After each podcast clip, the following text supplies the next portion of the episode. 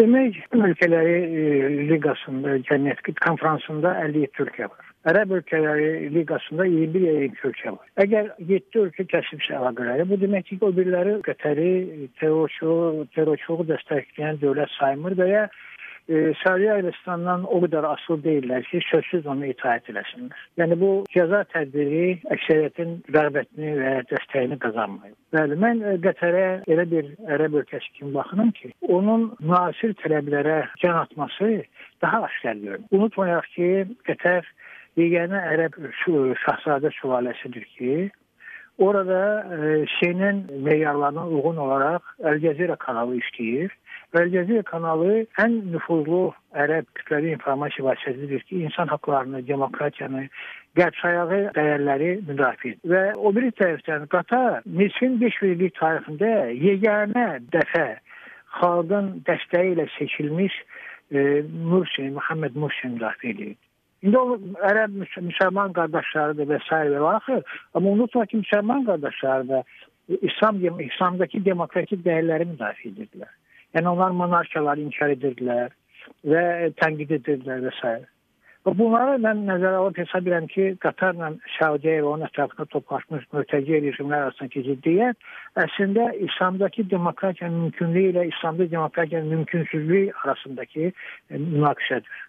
Səudiyyə krallığı İslamda tamamilə demokratiyanın mümkünsüzlüyünü təmsil edir.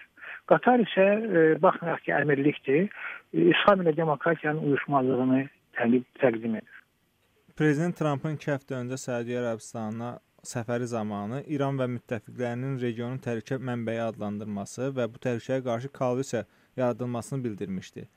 Bəzi politi bəzi politologlar bəli, bəli, bu, ə, e, bu diplomatik əlaqələrin kəsilməsini məhz bu cür görüşdən sonra Trampın bu cür ə, e, çıxışıyla əlaqələndirirlər. Bəs siz bu haqqda nə düşünürsünüz?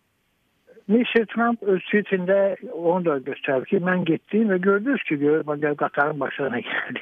o siyasi səhvliliyindən yoxsa özünə həddən artıq görələnməsin, görələnməsindənmi bunu yazıb.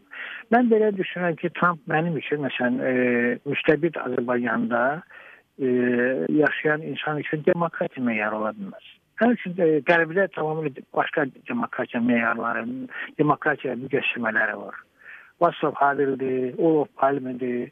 Sonra e, birçok mənim şəxsən tanıdığım Amerikanlar var ki, mən onlara heyranam, onların demokratiklə heyranam. Dünyasını dəyişmiş e, Stephen Craig Barnes və s. və s. Mənim xeyli Amerikan dostum var ki, mən onların demokratikliyinə e, heyranam və onlardan öyrənirəm demokratikliyini. Mr. Trump belələrindən deyil. O ki qaldı Trumpın İrana düşmənçiliyi, mən bunu anlamıram. Çünki İran azsaylı demokratiya demək İslam ölkələrindəndir ki, o qərbin demokratik seçki meyarlarını özündə tətbiq edir. Biz onu sevməyə bilərik ki, o Amerikaya itaat eləmir, bəzi dəlisov hərəkətlər eləyir, məsələn, vaxtilə Amerikan səfirliyini tutmuşdu və s. amma Yenə deyirəm ki, hər şey nisbətdə bilinir, hər şey nisbətdə ölçülür. Mütləq heç nə yoxdur.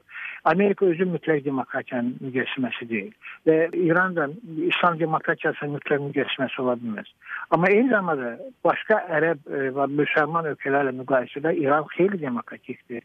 Xeyli e, irəliyə gedib, öz e, iqtisadiyyatını inkişaf elətdirir. Onda geniş sosial yardım proqramları var. Elmin inkişafına, təhsil inkişafına böyük diqqət yetirir. Biz bunları unutmayaq.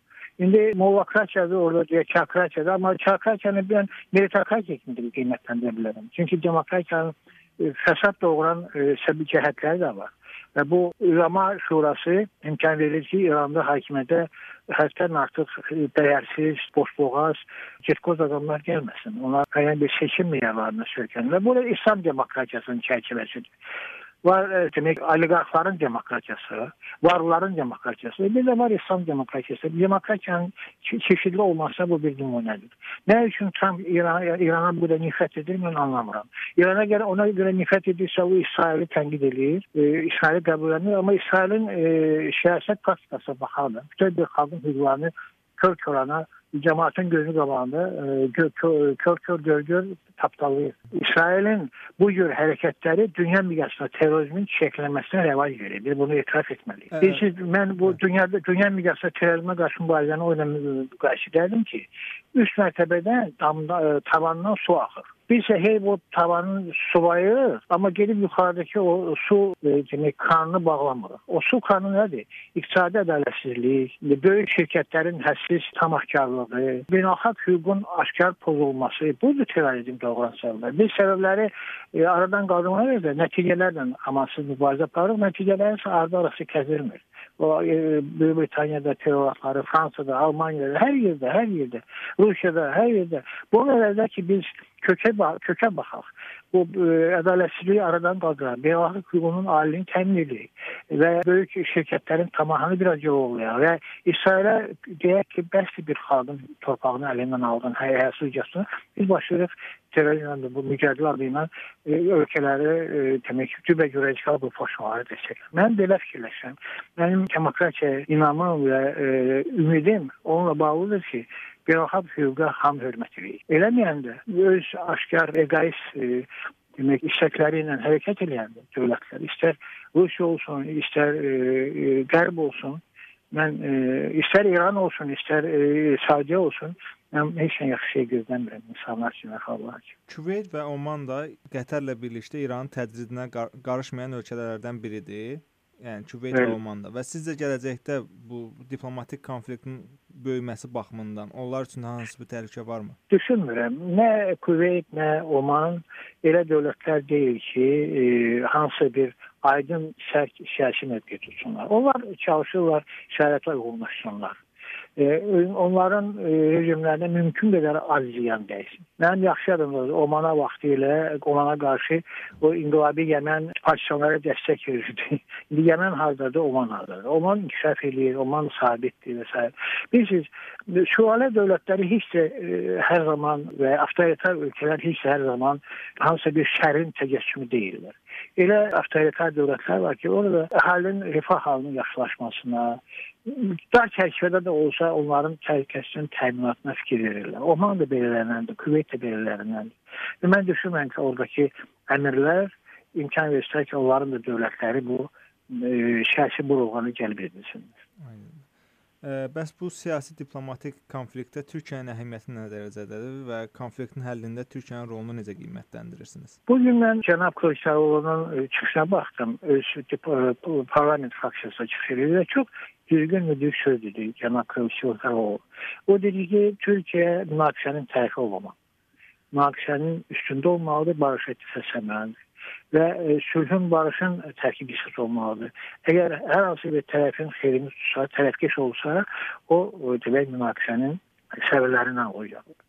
E, ona görə o Türkiyəni e, həm Səudiyyə, həm Qatara eyni gözlə baxmağı döşəyir və mən də fikirləşirəm ki, Türkiyənin mövqeyi məhz belə olmalıdır və ümid edirəm ki, Erdoğan da məhz belə mövqe tutacaq. Çünki baxmayaraq ki, Qatarla isti münasibətləri var və müsəlman, ixvan və müsəlman məsələsində onlar həmrəydirlər. Amma eyni zamanda Səudiyyənin əhəmiyyətini də anlayır həm iqtisadi, həm siyasi, həm xarici, həm mənəvi və düşünürəm ki, o məhz bir tərəf mövqe tutacaq. Qətər və Ərəb ölkələri arasındakı bu böhran Azərbaycan hansı bir təsir edə bilərmi?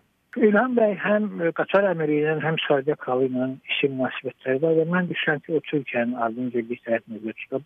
Yalnız çağırış edirik ki, ay müsəlmanlar, başı kök nətəyindən gəlin barışın, ortaq məxrəcdən. Qətərin Xarici Naziri Şeyx Məhəmməd intiqam olmayacağını, məsələnin dialoq yolu ilə həll olunmasını bildirib. Sizcə bu sülh yolu ilə həll olunmasını alına bilərmi? Alına bilər. Bu böhranın alına bilər. Hər iki tərəf yolu kimi nə görürsünüz? Ola bilər. Müəyyən məsələn Saudiya hansı bir tələbləri qoyub. Qatar hansı tələbləri qoyub. Nəyisə inkar edir, nəyisə təsdiq edir. Mən düşünürəm ki, hansı bir ortaq məxrəc, qarşılıq güzəş əsasında ortaq məxrəc tapılacaq. Ola bilsin ki, Qatar İranla münasibətləri normallaşdırmaq yolundan çəkindi, ola bilsin. Çünki Saudiya onun üçün həm coğrafi, həm iqtisadi, həm həyati baxımdan daha vacibdir, nəinki e, Körfəz Cənubi tərəfindəki İran. Ola bilsin ki, e, Suriya məsələsində Qatar hansısa təşkilatlara dəstəyini dayandırsın, dayandırdı. Amma Səudiyyə də e, o Suriyanın daxili işlərinə qarışmaqdan əl çəkməlidir. Hamıya gün kimi aydındır ki, Səudiyyə Ərəbistanı öz pulunun böyük, həcminin böyüklüyündən, vəsaitin böyüklüyündən başı gicələnib və öz imkanlarına uyğun olmayan çox təcavüzkar xarici siyasət yürüdür.